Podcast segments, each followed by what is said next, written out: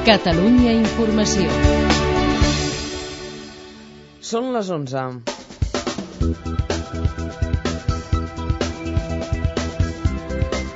José Montilla rep al Palau de la Generalitat els principals empresaris catalans i es comprometen a treballar plegats per superar la crisi. El president català els diu que pressionarà perquè els bancs i les caixes concedeixin crèdits a empreses i famílies. Criteri, el grup inversor de la Caixa, posa a la venda PortAventura i ja té diferents ofertes sobre la taula. El grup emmarca la decisió dins la política de desinversions decidida pel holding. La morositat de les entitats financeres espanyoles augmenta més del triple en un any i al setembre se situa en el 2,54%, el nivell més alt en 10 anys. Inaugurada enmig de logis l'espectacular cúpula del mallorquí Miquel Barceló a la seu de les Nacions Unides a Ginebra. Les autoritats han evitat la polèmica sobre l'aportació pública als 20 milions d'euros que ha costat l'obra.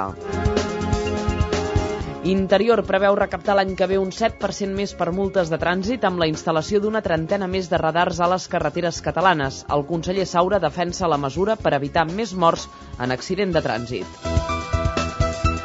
Educació revisarà el sistema d'adjudicació de les ajudes escolars per dinar i per al transport amb l'objectiu d'evitar la picaresca. La Generalitat destinarà 117 milions d'euros per a aquestes beques, de les quals se'n beneficiaran 121.000 alumnes. Es dobla el nombre de joves de Lleida que necessiten tractament mèdic pel fet de consumir droga, que ara es ven més barata per la crisi, segons denuncien els experts en salut mental.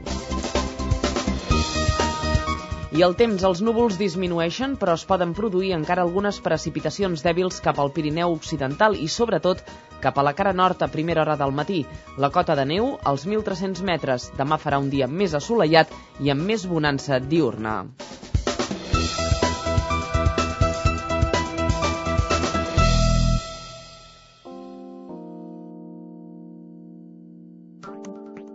Catalunya nit, amb Lluís Urpí.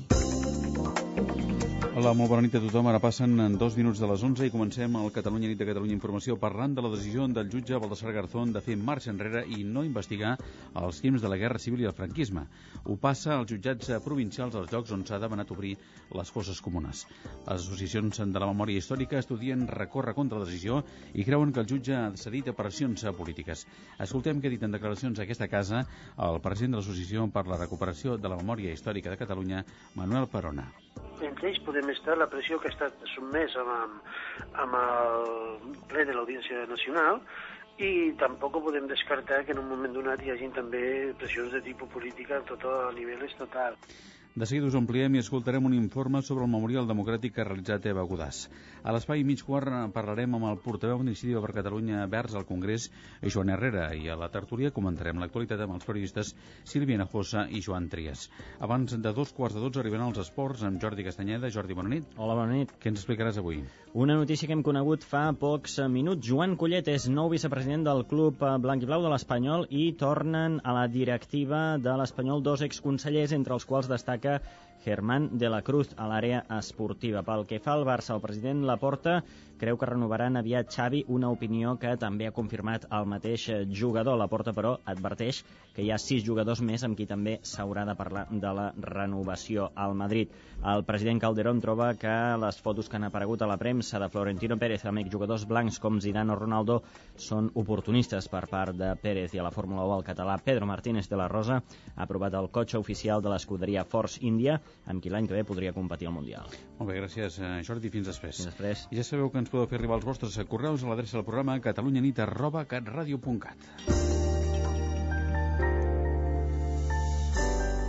Caixa Penedès us amplia la informació i us acosta a l'actualitat. Les notícies més destacades a fons. Caixa Penedès. Persones al servei de persones. Ara passen a pràcticament 5 minuts de les 11. Baltasar Garzón ha renunciat a investigar els crims de la Guerra Civil i la dictadura. El jutge de l'Audiència Nacional argumenta que tots els encausats són morts i que, per tant, la seva responsabilitat penal ha quedat extingida. Les entitats que treballen per la recuperació de la memòria històrica ja estudien recórrer l'auto. Eva Godàs, bona nit. Bona nit. Garzón continua defensant que els delictes no han prescrit mentre no apareguin els cossos dels milers de desapareguts. Per això ha traslladat la causa als jutjats de cada territori on s'han trobat fosses comunes, una estratègia que les entitats de recuperació de la memòria no veuen clara. El president de l'Associació per la Recuperació de la Memòria Històrica de Catalunya, Manuel Perona, està convençut que la investigació té els dies comptats. Entenem que la inhibició a favor dels jutjats territorials significa un punt i final perquè eh, aquests jutjats són, creiem, que no tenen la capacitat de poder eh, gestir tota aquesta, diguem-ne, eh, eh, eh, recerca de desapareguts i de fosses. Però no creu que Garzón ha actuat pressionat. Entre ells podem estar la pressió que ha estat sotmès amb, amb el ple de l'Audiència Nacional i tampoc podem descartar que en un moment donat hi hagin també pressions de tipus política tot a nivell estatal. En l'àmbit polític, destaca la reacció del PP, que s'ha mostrat satisfet perquè considera que el temps li ha donat la raó. I mentre Garzón comença a tancar un capítol sobre la memòria històrica, amb la seva decisió a Catalunya, la Generalitat en acaba d'obrir un altre. El Memorial Democràtic, institució pionera a l'Estat, estrena director. Es tracta de Miquel Caminal, doctor en Ciències Econòmiques i catedràtic de Ciència Política de la Universitat de Barcelona. Caminal, que ja havia treballat per la Conselleria de Relacions Institucionals, té ara el repte de donar contingut a una institució que encara és poc coneguda. Avui ens en dona algunes claus.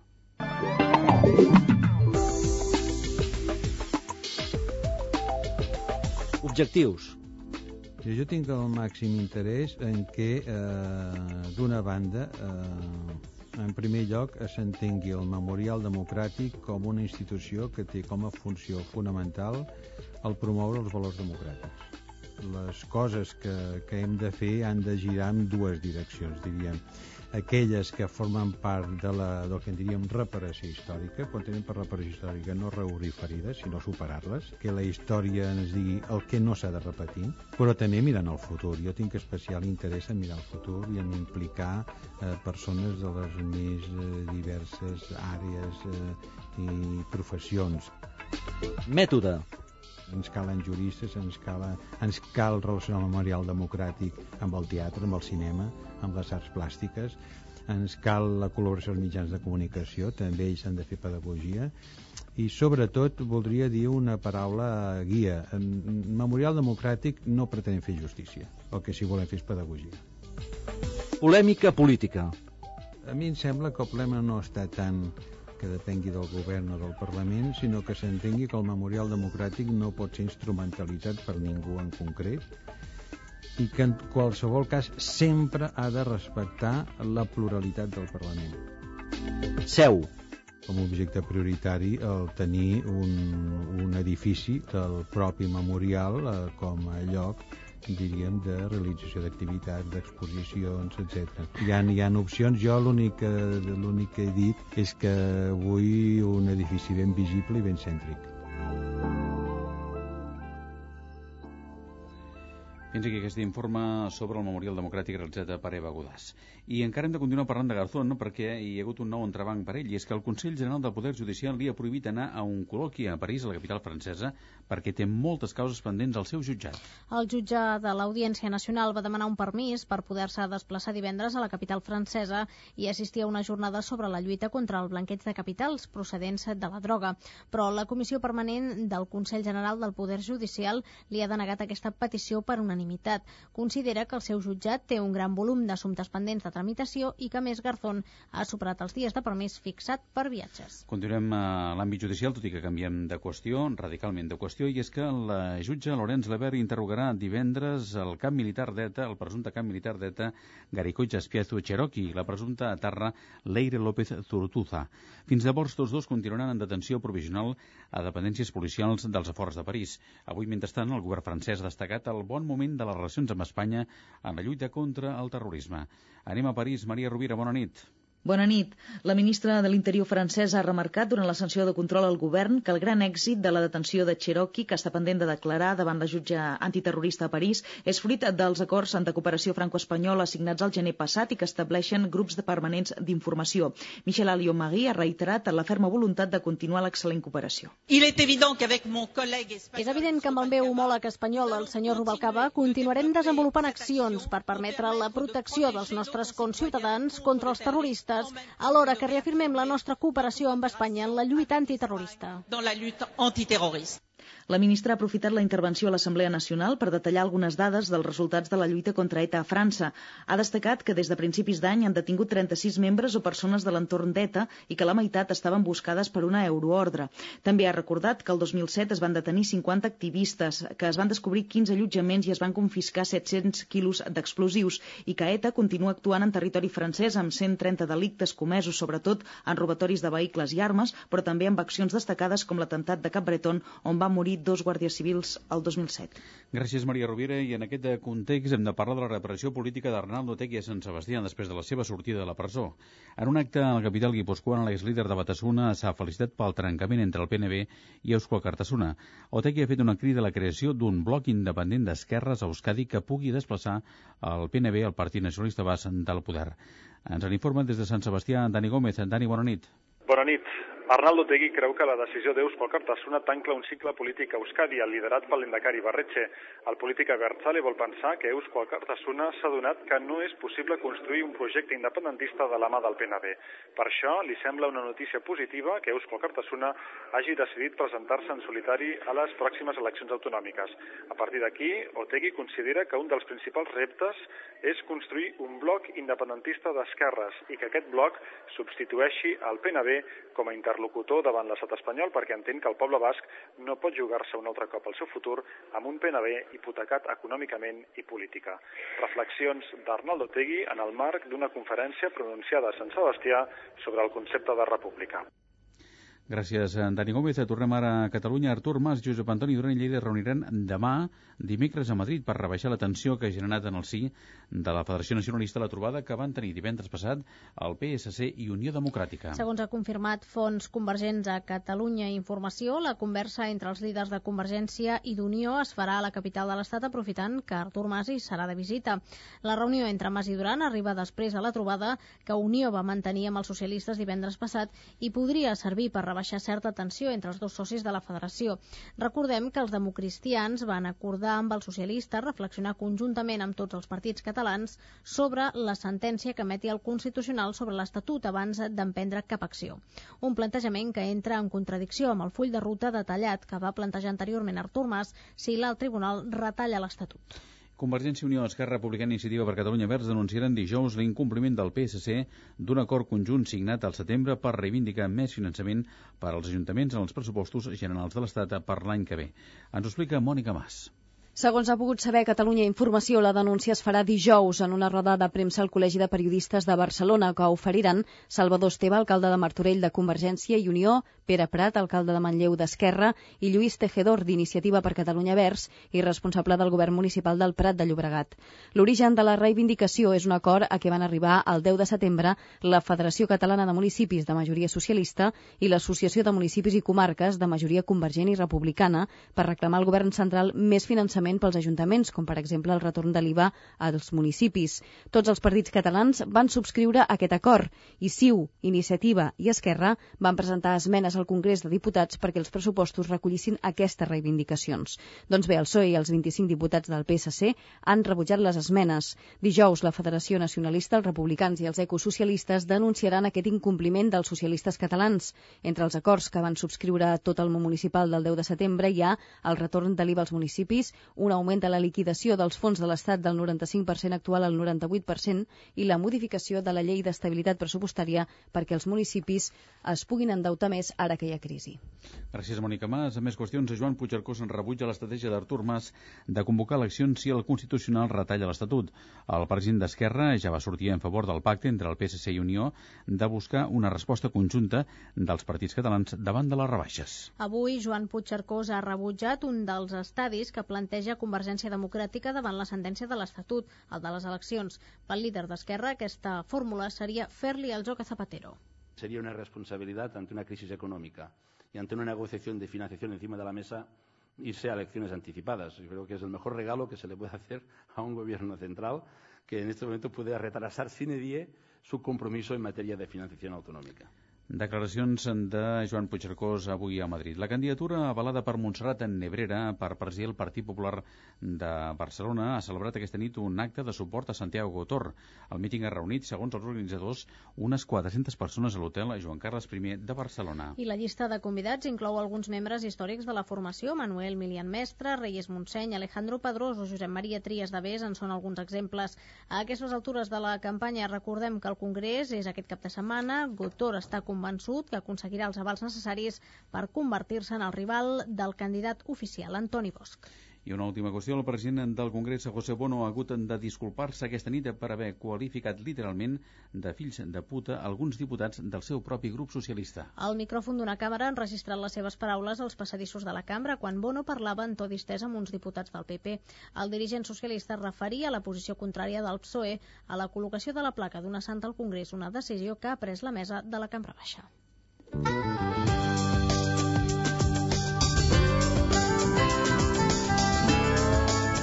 Mig quart. Avui al Catalunya Nit ens acompanya des de Madrid el porteu d'Iniciativa per Catalunya Verds, Joan Herrera. Senyor Herrera, bona nit i gràcies per atendre'ns. Bona nit. Escolti, d'entrada, què en pensa de la decisió del jutge Garzón de renunciar a investigar els crims de la Guerra Civil i el franquisme i traslladar aquesta qüestió als jutjats d'instrucció provincials? Jo crec que és una mala notícia, és un dia trist per la recuperació de la memòria democràtica, de la memòria històrica, i entenc a més que si en Garzón decideix això és perquè no li han posat les coses fàcils des de l'audiència passant per la Fiscalia. Crec que la millor manera de respondre hauria de ser amb un govern que desenvolupés de forma més ferma la llei de la memòria, que instés a la Fiscalia a crear una Fiscalia especial per temes de memòria, per garantir els drets de les persones o dels descendents que van ser víctimes de la repressió franquista i que el que hauríem de fer davant d'una decisió que és trista, que, que a mi no m'agrada, que potser ve donada per, per l'activitat de la Fiscalia, és intentar que el govern complís això, amb una Fiscalia especial per garantir els drets de les persones que van ser víctimes o dels seus descendents. Pensa que el govern central pot eh, tirar endavant alguna d'aquestes iniciatives que vostè comenta, com per exemple aquesta d'una fiscalia especial? Jo crec que ja n'hi ha prou d'un govern central que finalment li hem d'arrencar amb forceps una llei de la memòria que es va quedar mitges, nosaltres ho vam reconèixer, era una llei que significava un punt de partida però en tot cas no era un punt d'arribada i que donava vegada per totes quan hi ha entitats a la memòria, quan hi ha organitzacions socials, quan hi ha organismes internacionals que el que demanen és que hi hagi més polítiques per a la recuperació de la memòria. D'una vegada per totes necessitem un govern més actiu. Si nosaltres demanem una fiscalia especial és perquè entenem que el paper de la fiscalia ha estat lamentable, més que lamentable, i perquè creiem, en definitiva, que la fiscalia especial podria donar peu a que s'acumulessin els recurs de revisió d'acord amb la llei d'enjuiciament criminal i perquè més permetria que les persones que tenen familiars enterrats eh, a les cunetes, en les carreteres, en molts llocs arreu de l'Estat, doncs poguessin recuperar els, els seus familiars a partir d'una acció judicial concertada per la Fiscalia. Ha fallat la justícia amb el procés del jutge Garzón, ha fallat la Fiscalia i el que es tracta és que ara el govern faci que la justícia i la Fiscalia estiguin al servei de les víctimes i no en contra de les mateixes. Molt bé, canviem de, de qüestió. Com, com veu, eh, parlant d'un tema també d'actualitat, com veu la polèmica que s'ha originat pel cos de la cúpula de la Nova Ginebra que ha fet Miquel Barceló?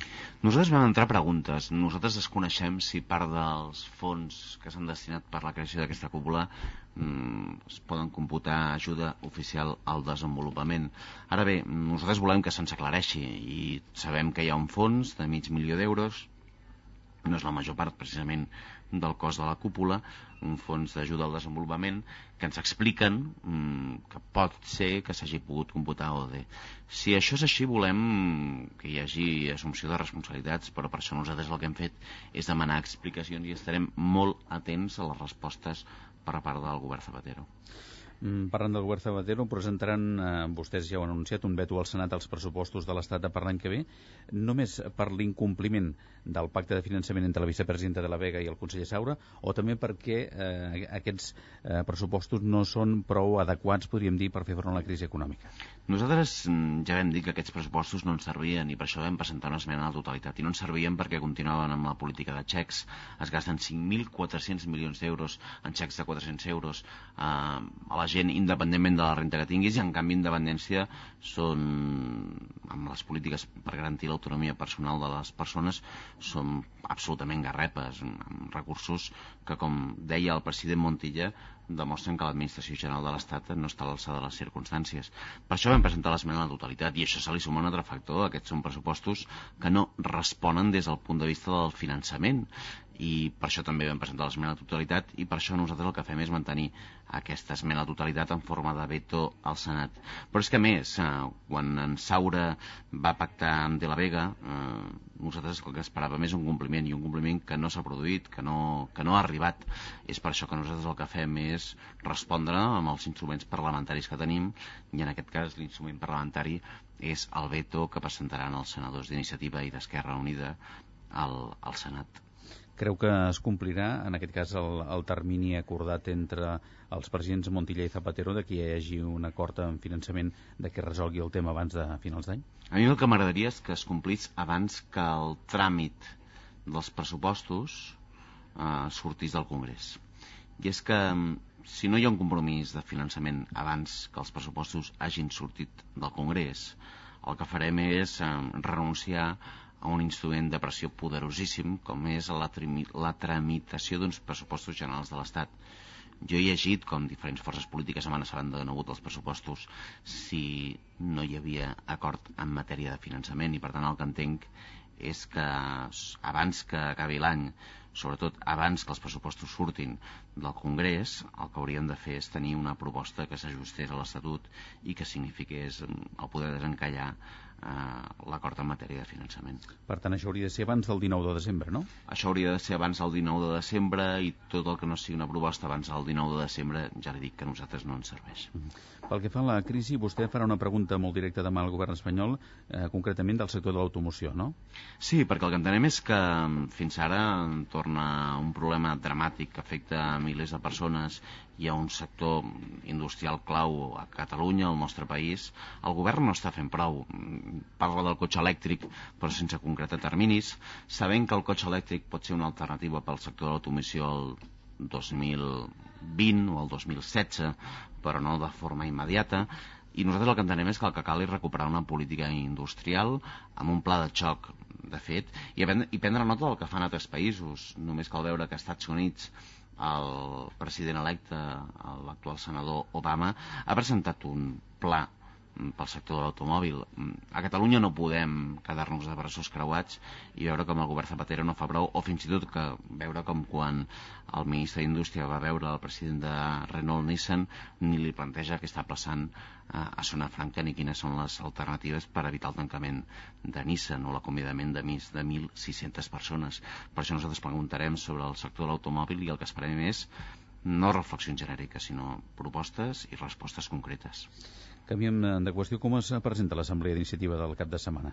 Bé, es presenta bé perquè entenem que aquesta assemblea és una assemblea d'oportunitat per fer que Iniciativa esdevingui el referent d'esquerres i per fer que Iniciativa sigui una de les forces que garanteixin que davant d'una crisi com la que tenim i una crisi que és estructural, que afecta l'atur, que afecta l'ocupació i que afecta les famílies, les respostes es fan des de l'esquerra. Per això creiem que, que aquesta assemblea serà una assemblea no només interessant sinó rica, una assemblea en la que parlarem a fons i a fons de política, i una assemblea en la que davant de la crisi de les receptes ultralliberals el que entenem és que el que calen són respostes d'esquerres i especialment allà on estem a govern i per descomptat des del govern d'entesa, des del govern de la Generalitat. Uh, parlant del paper d'iniciativa del govern, cal fer autocrítica en aquesta assemblea? Jo crec que el que cal fer és la reflexió de que necessitem actualitzar l'acord d'entesa perquè és veritat que avui eh, un govern no pot actuar com actuaria l'any 2006 perquè estem en un escenari econòmic diferent. Que el que cal són respostes clarament d'esquerres i faig referència a un element concret, amb la llei d'educació. Nosaltres creiem que en temes capdals estratègics pel país cal que el govern exerceixi d'acord amb allò que és. Aquest és un govern d'esquerres i per tant eh, la proposta de la llei d'educació ha de partir d'un principi en què l'educació sigui un servei públic garantit, eh, que sigui recollit com a tal a la llei, on hi hagi igualtat d'obligacions i de drets per a l'escola pública i la concertada. Aquests són exemples concrets. I crec que aquesta és la reflexió més potent que hem de fer. La necessitat, a més, d'acompanyar la nostra acció de govern amb més presència amb, les, amb els moviments socials, amb la realitat social del país, però fent també que la realitat social del país eh, acompanyi i incentivi eh, la lògica de canvi que ha de liderar el govern. I aquesta també és una reflexió per descomptat autocrítica. Si parlem de que hem de tenir un peu al parc carrer i un peu a les institucions, diguem que per tenir el peu a les institucions hem de trepitjar millor el carrer, i aquesta és una reflexió que hem de fer. I per descomptat amb un element, si vostè vol, d'autocrítica, en el sentit de que Iniciativa, que és un projecte clarament que se situa en creixement des de fa una pila d'anys, és cert que ha rebut dos tocs d'atenció que no són dramàtics, però que són dos tocs d'atenció municipals i generals, i per tant hem de reflexionar i repensar com reconnectem amb una part de l'electorat que, que, que ha deixat de votar, mm, que no és dràstica el, el toc d'atenció com, com ha passat a altres partits, però que en tot cas sí, sí que ens ha de fer pensar com, com millorarem les coses. Mm -hmm. Joan Herrera sortirà de l'Assemblea com a clar successor de Joan Saura al capdavant d'iniciativa? No, de forma taxativa no. Aquesta assemblea no és una assemblea per parlar dels successors o dels relleus. Aquesta és una assemblea per rellançar equips. I el que intentarem és precisament que hi hagi un equip on hi sigui tothom, on, on hi sigui la gent que té molta experiència, que la necessitem com mai, on hi sigui aquella generació perduda, potser que s'ubica entre la generació d'en Joan Saura i la generació de la Dolors Camats, el Raül Romeo o la meva mateix, i on hi siguem també mm, gent doncs, doncs més jove. Crec que es tracta d'això. I en cap cas en aquesta assemblea podem decidir qui és el relleu per d'aquí quatre anys de Joan Saura. En aquesta assemblea decidim el president d'iniciativa i com rellancem el projecte amb un contingut clarament d'esquerres, amb un contingut ambiental, amb una lectura ambiental que és fonamental davant de la crisi i una crisi que també és energètica i amb una lectura nacional. Iniciativa esdevé en aquesta assemblea un projecte clarament nacional on parlem del dret a decidir d'una forma més molt concreta i crec que aquest és un també dels reptes de la propera assemblea. Es tracta d'això i es tracta de definir un bon equip de percent on aspiro a estar amb molts altres però simplement això. Eh, li dic perquè molts sectors ja el situen a vostè eh, com un dels clars eh, eh, favorits, com a mínim, a succeir Joan Saura. Eh? Jo, jo crec que això és la lògica a vegades de, dels mitjans. Mirin, eh, estem acostumats a, a assemblees molt de, de conflicte en les darreres assemblees o congressos que hem vist i per sort tinc la sensació que, que l'Assemblea d'Iniciativa no s'ubicarà en aquest sentit. Hi haurà debat. No hi haurà un discurs d'autocomplaença perquè seria un error que diguéssim no ha passat res, tot funciona bé. No, no, hem de fer una reflexió crítica respecte a allò que, que hem de millorar. Però al costat d'això no, no, no serà una assemblea absolutament conflictiva i del que no es pugui construir res, tot el contrari.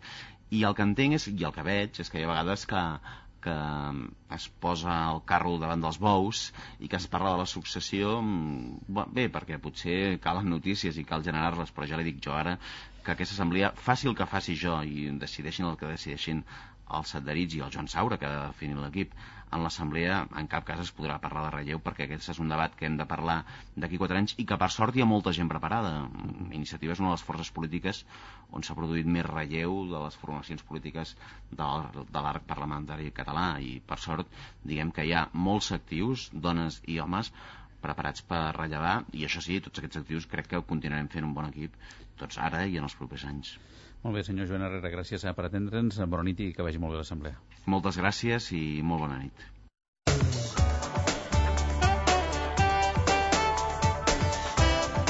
Dos minuts i arribarem al punt de dos quarts de dotze. És el moment dels esports. En Jordi Castanyeda. Jordi, bona nit. Hola, bona nit.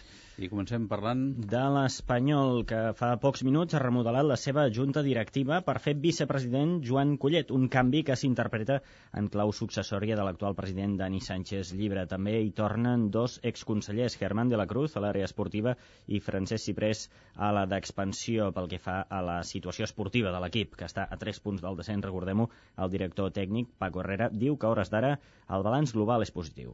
Claro que ha habido equivocaciones, eh, es lógico, es imposible acertar al 100%, pero eh, yo creo que con la política que, lleva el español eh, ha habido bastantes más aciertos y bastantes mejores decisiones que decisiones desacertadas. I també en clau blanc i blava, l'oposició a Daniel Sánchez Llibre ha denunciat avui que el deute del club és preocupant perquè el xifren en 88 milions d'euros, 37 milions més que ara fa un any. Parlem ara del Barça, on l'atenció està posada en la renovació de jugadors com Xavi o Busquets, però el president Laporta alerta que també hi ha quatre jugadors més amb qui s'haurà de parlar de renovacions. Cert que hi ha un gruix de jugadors importants de la plantilla que acaben contracte el 2010 i precisament per això doncs, eh, un és el cas del Xavi i en altres tens, tens raó que és una data aquest estiu per tenir-ho ja tot això enllestit perquè eh, si no tenim enllestit abans de l'estiu molts d'ells és l'últim any de contracte i, i les possibilitats de, de, de negociar doncs, són molt diferents. No? I al Madrid continuen els nervis i aquest dimarts ha estat el president Ramon Calderón qui ha criticat una foto de Florentino Pérez amb els exjugadors blancs Zidane i Ronaldo. Diu que també espera ara una foto amb l'italià Casano, un polèmic fitxatge també de Florentino.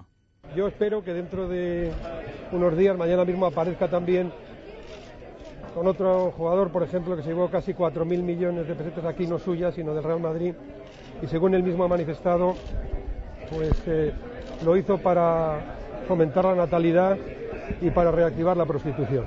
Eh, me parece sinceramente triste. En handbol a la Lliga Sobal, un partit avançat d'aquesta jornada, Barça-Borges 35, la Rioja 22, els Blaugrana continuen de líders, i en Fórmula 1, segons ha pogut saber Catalunya Ràdio, el pilot català Pedro Martínez de la Rosa té tots els números per l'any que ve pilotar de forma oficial amb l'equip Force India. Molt bé, gràcies Jordi, fins després. Fins després.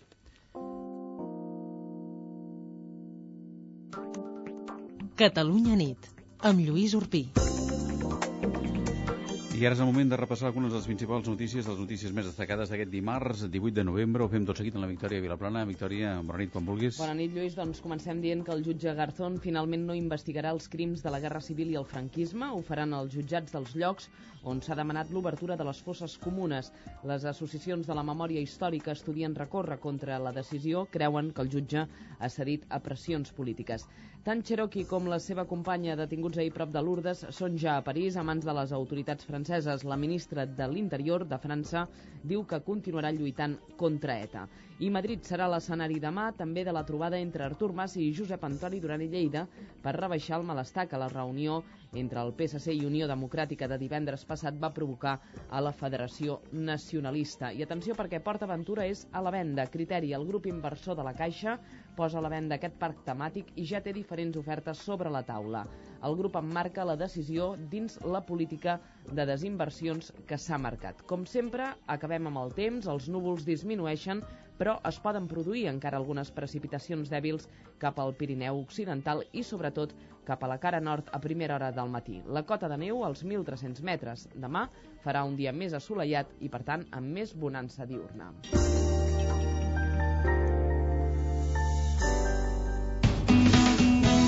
Bona nit.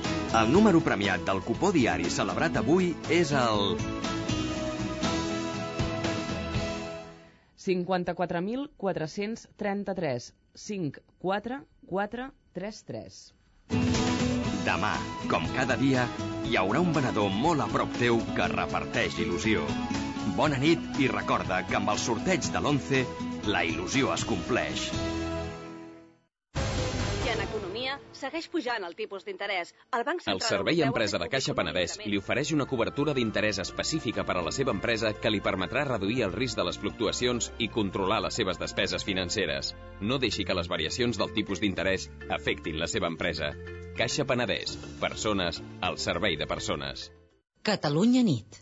L'anàlisi de la política i els seus protagonistes a Catalunya Informació. Ara passen 3 minuts de dos quarts de 12. Ja sabeu que ens podeu fer arribar els vostres correus a l'adreça del programa catalunyanit.catradio.cat per fer qualsevol comentari sobre notícies, sobre la tertúlia, sobre l'entrevista, sobre el que vosaltres en desitgeu. Avui a la tertúlia ens acompanyen els periodistes Sílvia Hinojosa i Joan Trias. Bona nit i benvinguts. Bona nit. Hola, bona nit. Bé, d'entrada volen comentar alguna cosa, algun aspecte del que, hagi, del que ha dit el senyor Herrera ara fa uns instants de l'entrevista? Home, m'ha fet gràcia al final, quan us estàveu referint a l'assemblea d'iniciativa que hi ha d'haver aquest cap de setmana, uh -huh. quan se li pregunta, quan li has preguntat, vaja, eh, vostè sortirà eh, reflectit o com a número 2 de la formació, diu, home, diu, de forma taxativa no. diu, potser encara no toca que es visualitzi d'una forma molt clara, sinó allò anar ensenyant una mica la, la, la puteta, eh, perquè clar, el recorregut que encara li queda al mandat de, de Joan Saura doncs, és, diguem-ne, de 4 anys, doncs, però sí que una mica ja ha donat a entendre doncs, eh, quin és, quina és la clau successòria que hi pot haver a iniciativa, malgrat els, els avatars que hi puguin haver en aquests 4 anys. Uh -huh.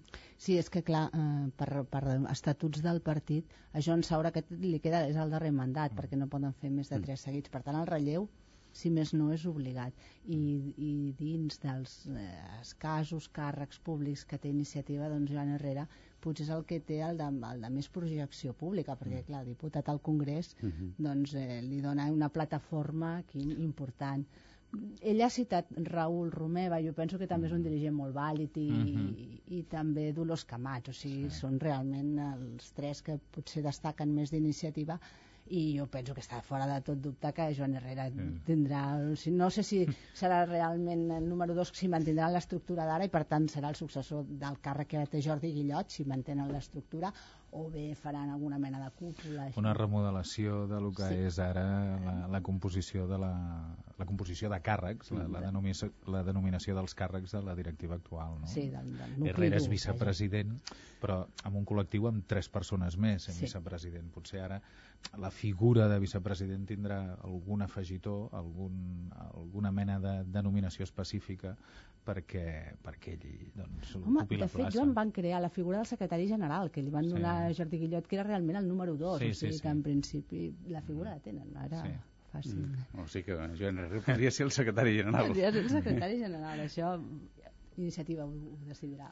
Sí, el que passa que també és difícil eh, eh, que es plantegin prescindir mm, d'alguna manera del pes, no, no, no de la persona de, de Jordi Guillot, sinó del pes que té una mica en l'executiva del partit i Sí. suposo que en el trànsit aquest que, que hi haurà diguem en aquesta legislatura d'iniciativa, en aquests en aquest pròxim mandat, doncs, home, eh, Guillot suposo que agafarà la mateixa sortida que pugui agafar Saura, però en aquests moments mantindrà, diguem-ne, la seva quota de poder, de nominacions al marge, no? Ja Sí, sí, com és acaba evident. Sí. I si no seria un error, jo Sí. crec. I Joan Herrera deia que s'havia de comptar amb els veterans i suposo que en aquells moments es referia, Sí. per exemple, a Jordi Guillot, no? Sí, que, que és un error que han comès alguns partits. De fet, allò taula rasa amb, amb tot Sí. l'anterior.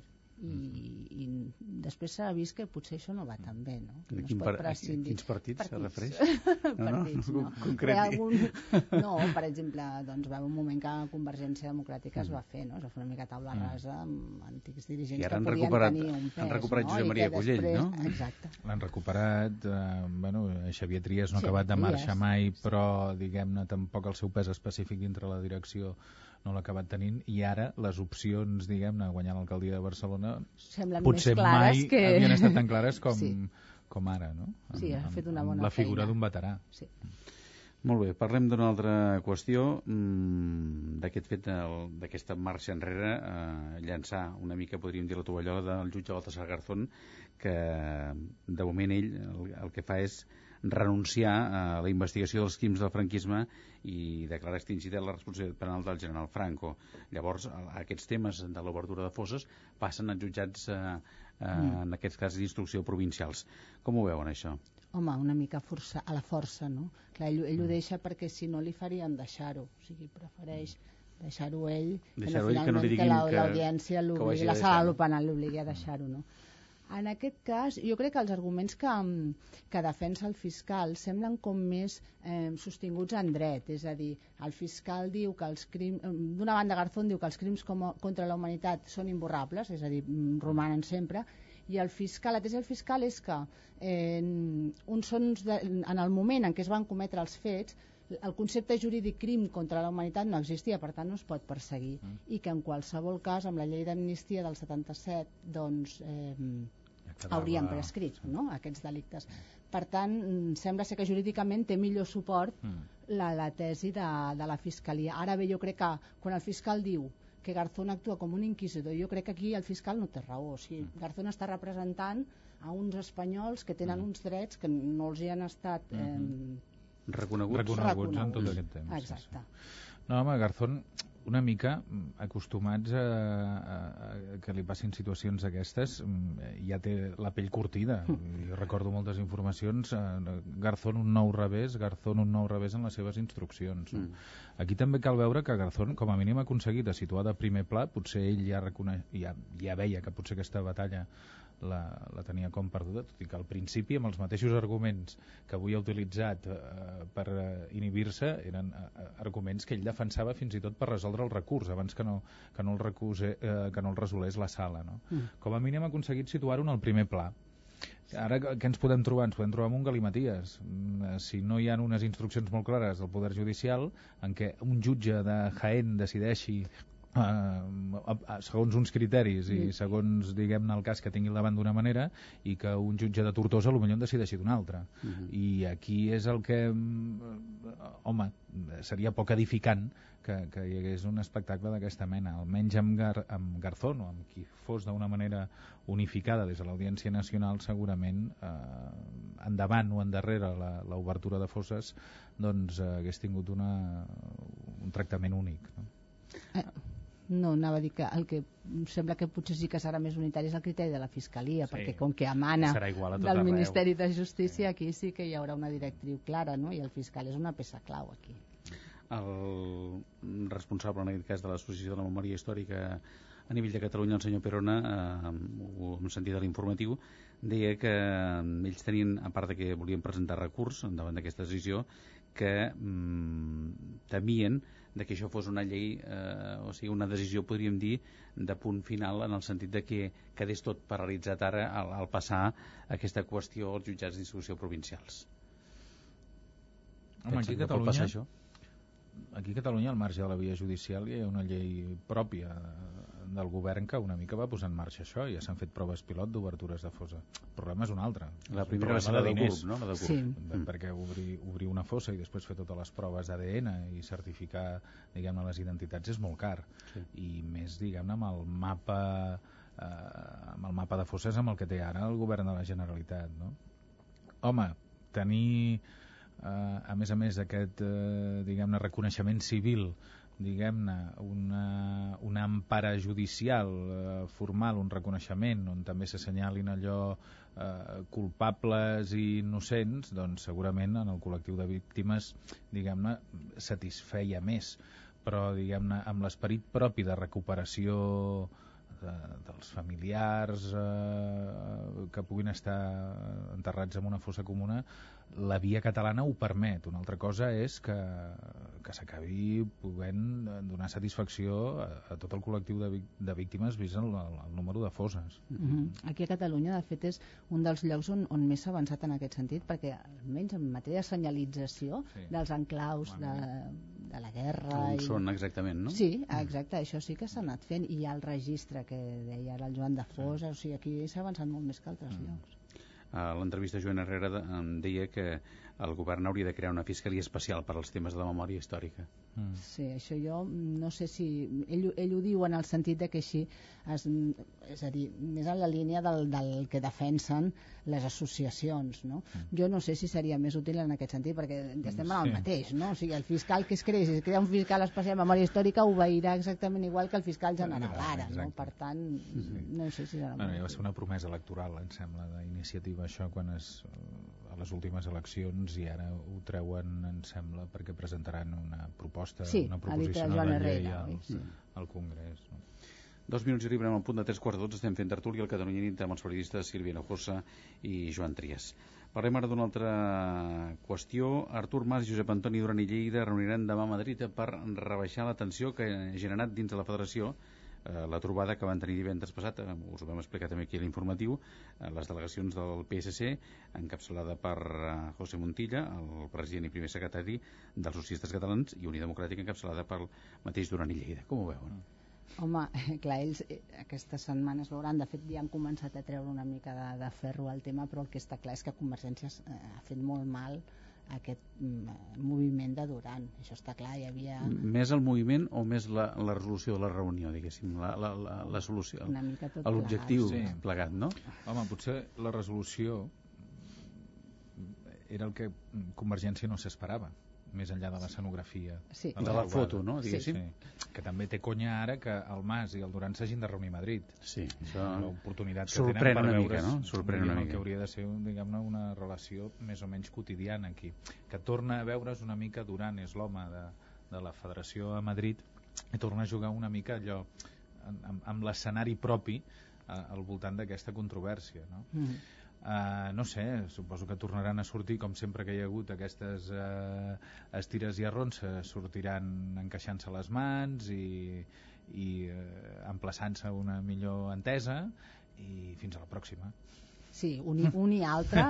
En un primer moment van deixar clara la postura i després doncs, els entorns s'han preocupat d'anar rebaixant tensió de manera que mm, quan se surti d'aquesta reunió es dirà doncs, que això no ha estat res i que efectivament estava tot pactat i avui ja Felip Puig, em penso que era aquest matí a la RACU, que ja mm, anava dient que, bueno, no, que Ja- al ja final que ferro. ja hem traslladat la culpa a Montilla no? avui ja o sí que ja tenim enemic Exacte. comú No, home, sí que és veritat que ara hi ha un, un pacte i un pacte molt concret eh, sobre la taula, el tema de, diguem-ne, que al voltant de la figura del president de la Generalitat, quan hi hagi la resolució del Constitucional, doncs s'estableixi o s'intenti establir una interpretació comú eh, que ja veurem en el seu dia com acabarà desembocant, però jo crec que, diguem-ne, aquest episodi de, de, de tensió provocat, eh, si vols, eh, arran de la reunió de divendres, doncs demà tindrà un forrellat i, i fins a la pròxima. Mhm.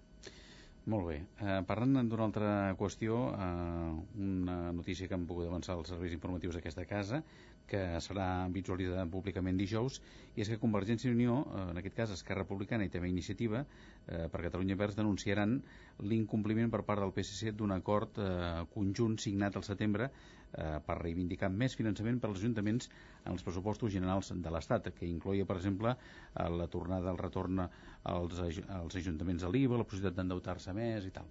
Com ho veuen això, tenint en compte que, clar, Esquerra Iniciativa en aquest cas són socis del PSC al govern d'Entesa.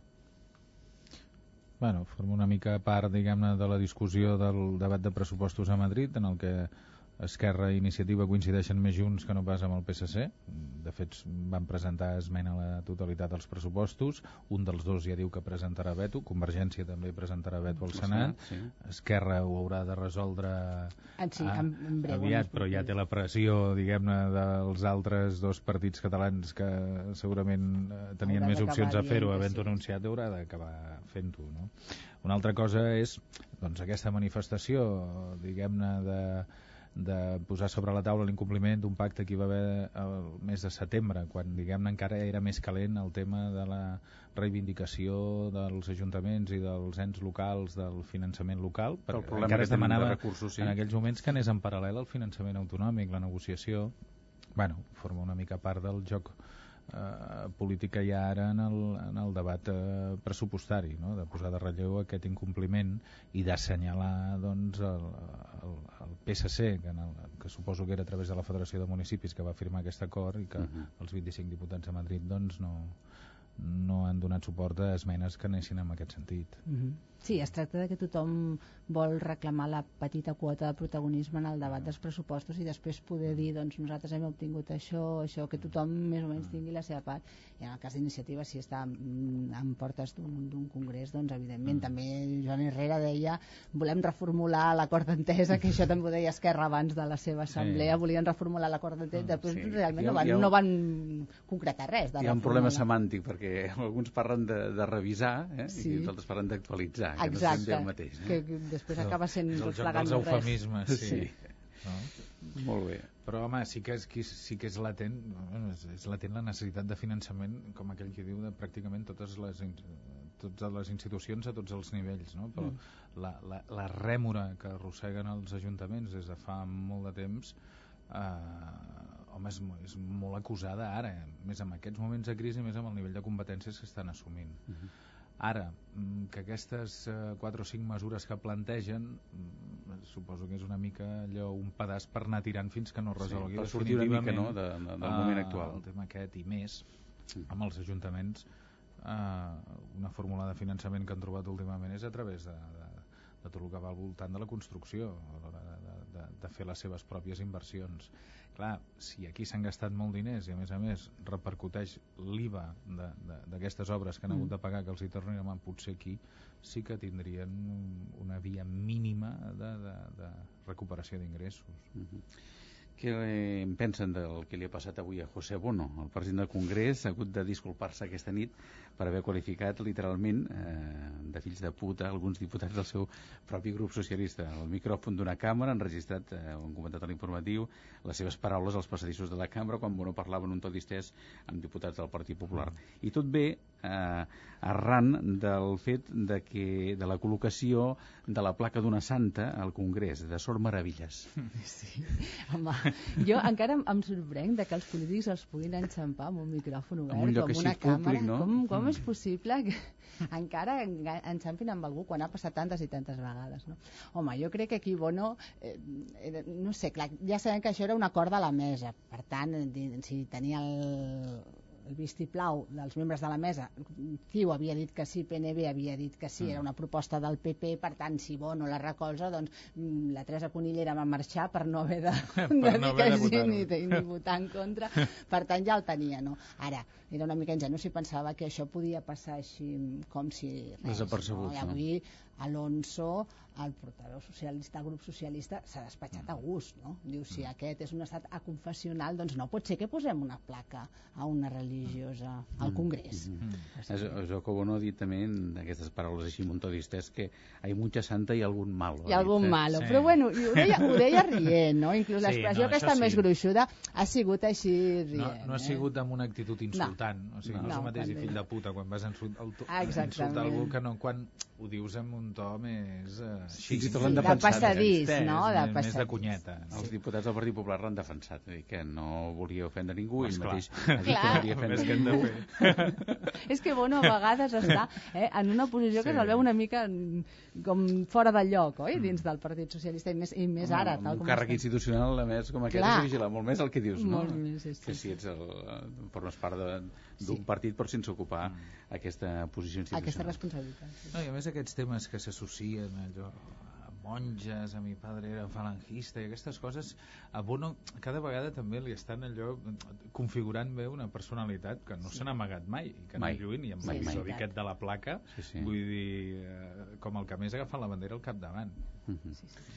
La Victòria Vilaplana ja és aquí. Victòria, bona nit de nou. Bona nit, eh, Va. Lluís, bona nit a tots. Eh, Com bé, tenim els- Bono surt, Bono surt, Bono surt, però no és el protagonista. No és el protagonista. No, no, no, no només hi ha un protagonista. només hi ha un protagonista clar a, la, a les portades, que és el senyor Garzón. Mm. Divertidíssim, si em permeteu, sense sense voler allò, Ofendre ningú. ofendre ningú, segons el diari, evidentment. Mhm. I bé, l'únic diari que no obre amb Garzón, i és més, no el menciona, O sigui, no surt a la portada? no surt a la portada, és el diari El Periódico. Per tant, eh, m'agradaria començar amb el diari El Periódico. Doncs comencem, comencem perquè Periódico, té sí, gràcia sí. que, no, que no obri amb, amb Garzón. Aquest diari obre amb l'ocupació hotelera a Barcelona, que diu que eh, doncs, cau un 10%, que el govern descarta donar ajudes directes a la indústria de l'automòbil i titula la foto de portada és per la cúpula de Miquel Barceló i diu els colors de la llibertat. Al diari La Vanguardia, Garzón fa marxa enrere en el seu judici al franquisme. En els últims cinc anys, el líder d'ETA Cherokee ha passat de criticar els seus caps a convertir-se en el líder i ha insinistrat nombrosos atarres, també la seva actual companya, i la foto de la Vanguardia també és per la cúpula de Miquel Barceló a l'edifici de les Nacions Unides de Ginebra amb aquest titular, el rei beneeix l'obra. També destaca la Vanguardia que els negocis de Bill Clinton frenen les aspiracions de la seva dona Hillary. Obama es planteja oferir a la senadora la secretaria d'Estat. El diari Avui Garzón no podrà jutjar Franco.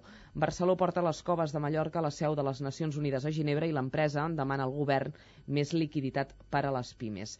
El diari El País, la crisi obligarà el govern central a trencar els límits pressupostaris i Garzón s'inhibeix i demana que altres jutges instrueixin els crims del franquisme. A les planes de Catalunya destaca la trobada dels empresaris amb el president i diu als empresaris demanen a Montilla que els diners arribin a les pimes. El punt a la seva edició de Barcelona, Rodalies es constipa, bon titular també, l'obertura de H&M, una marca de roba, l'edifici del gas consolida el predomini de les grans marques al portal de l'Àngel i jutgen un guàrdia urbà de Barcelona per dues multes de trànsit falses. I ara comencem. Diari La Razón. Garzón fracassa amb la seva causa general i no té una altra sortida que la inhibició. Inaugurada la cúpula de la polèmica i detenció de Cherokee, la banda pot intentar una acció criminal per donar una resposta immediata a l'operació de captura d'Azpiazo. Al diari Público, la foto de portada és Madrid, la tomba de Franco al Valle de los Caídos i titula Garzón no pot amb Franco. Un micro revela la tensió entre Bono i el seu partit per la Santa i diu, i Cherokee utilitzava un software antic per a encriptar. Dades. Al diari ABC, Garzón constata que Franco ha mort i no obrirà les fosses per incompetent. El rei elogia la bellesa de la cúpula de Barceló i Cherokee volia reclutar pistol, pistolers francesos per a un nou comandament itinerant. El Mundo, continuem. Garzón s'aparta al comprovar que Franco ha mort i un organisme finançat per la Generalitat demana sancionar els periodistes que no utilitzin bé el català. Acabem amb el diari ADN. Garzón deixa la causa contra el franquisme. El rei Lloó a la cúpula de Barcelona, Ginebra i Barcelona rep un 6% menys de turistes. Molt bé, gràcies, uh, Victòria. Volen comentar algun titular, alguna cosa que els hagi creat atenció? Ja posats per al·lusions ja en comentarem dos. Sí, doncs, no? El, el que gairebé he dit l'últim, el de les sancions als periodistes. De l'Institut d'Estudis Catalans, sí, en sí. sí. Eh? Què ens passarà o què ens pot passar? Uh, que ens sancionin? Home, mm, no deixaria de ser, no, no, no sé si l'extrem ha d'anar a les sancions, perquè em sembla que amb les sancions eh, no, no s'aconsegueix massa res, però estem debatent molt al voltant del nivell d'ortografia, el nivell d'expressió, el nivell de llengua que tenen els nostres estudiants. Els estudiants. I potser en els mitjans de comunicació també hauríem de fer una reflexió o, o, o una revisió de si realment els nivells que, i sobretot des dels mitjans de comunicació, a vegades es clamen per, per l'ús de la llengua que es fa, doncs, a, a l'ús propi que es tingui. No? no sé si a base de sancions puc ser ets una mica si una exagerat i és la manera per aconseguir un titular. Diu sancions econòmiques o destinacions laborals? Horaris nocturns, Diferents. de caps de setmana. Sí, sí jo, jo estic molt d'acord amb tu també, eh? tot i que penso que, que aquests atacs a la premsa i les intervencions de les administracions eh, contra la premsa no, no m'agraden gens i no, no m'agrada gens la resposta del govern pel tema del The Economist, yeah. en absolut. Sí penso que el govern no té que anar a atacar un setmanari, mm -hmm. un setmanari prestigiós com és The Economy. Mm -hmm. Si no els va agradar l'opinió, doncs potser... Des del PSC, Miquel Iceta va dir que no, precisament eh, no s'havia d'atacar el tema de la llibertat d'expressió. Clar, i a més, escolta'm, potser de forma prèvia algú l'hagués hagut de rebre, eh, explicar-li una mica la versió mm. i no mm. deixar que altres expliquessin la mm. seva única versió. No, I que com a no mínim, exacte, que, que expressés el contrast, no? I com exacte. que hem dit dos titulars altres, el de Hillary sí. Clinton, sí. Hillary Clinton. ja m'imagino, o sigui, sempre és per culpa d'ell no, sempre li arriben els impediments per culpa d'ell o sigui, ara que tenia oportunitat o semblava que tenia oportunitat d'ocupar una, una bona plaça diguem-ne i de, de molta presència mundial ara són els negocis d'ell els que no ho fan possible. Home, els negocis d'ell, les conferències d'ell, va recaudar molt per la campanya. Pensava que anaves a ella, eh? No, no. Ja. Molt bé, doncs uh, fins aquí la tertúlia. Uh, en aquest cas Sílvia José Joan Trias, que vagi molt bé i fins la pròxima ocasió. Bona nit. Adéu, bona, bona nit. nit.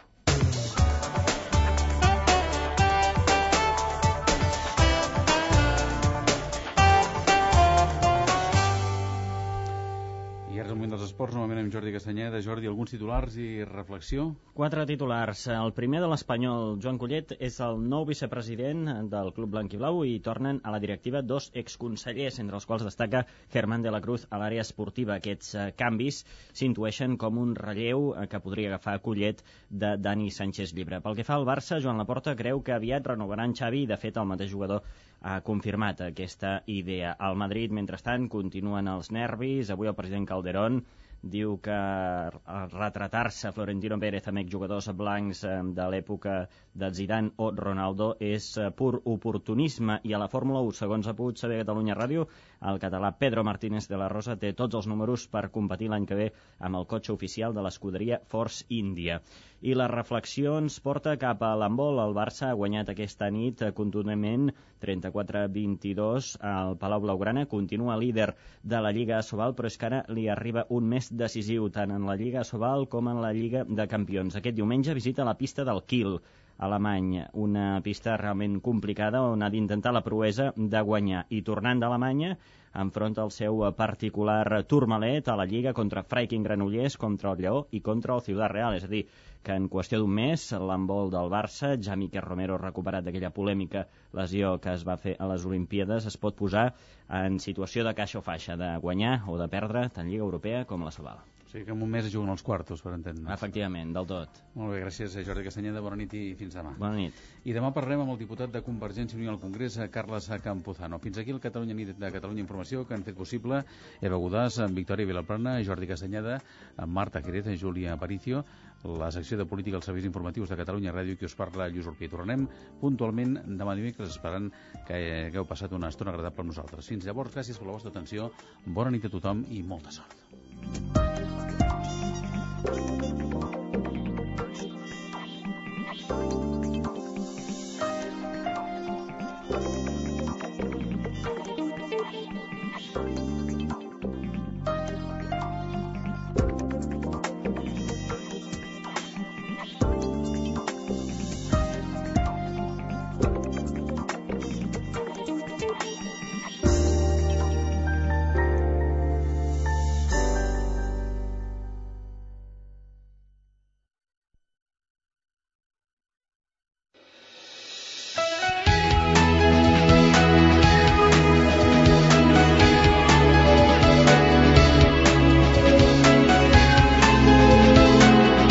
Catalunya Informació.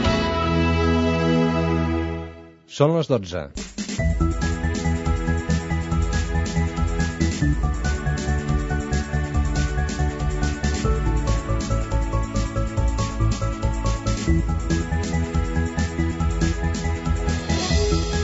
El jutge Garzón renuncia a investigar els crims a la Guerra Civil i el franquisme i ho deixa en mans dels jutjats d'instrucció. Les associacions a la memòria històrica atribueixen la seva decisió a operacions polítiques i anuncien recursos. José Montilla rep al Palau de la Generalitat els principals empresaris catalans i els compromet a treballar perquè bancs i caixes concedeixin crèdits a les petites i mitjanes empreses. El sector hoteler de Barcelona tancarà l'any amb una caiguda de l'ocupació del 10% per la crisi. L'Ajuntament assegura que la capital catalana afronta més bé la crisi perquè fa temps que aposta per empreses innovadores. Foment diu que el fred ha causat l'avaria d'aquest dimarts a les rodalies de Renfe a Barcelona. La baixada de temperatures ha afectat l'estat de la via i de retruc el sistema automàtic que regula els semàfors. Elogis a la cúpula de la nova sala del Consell de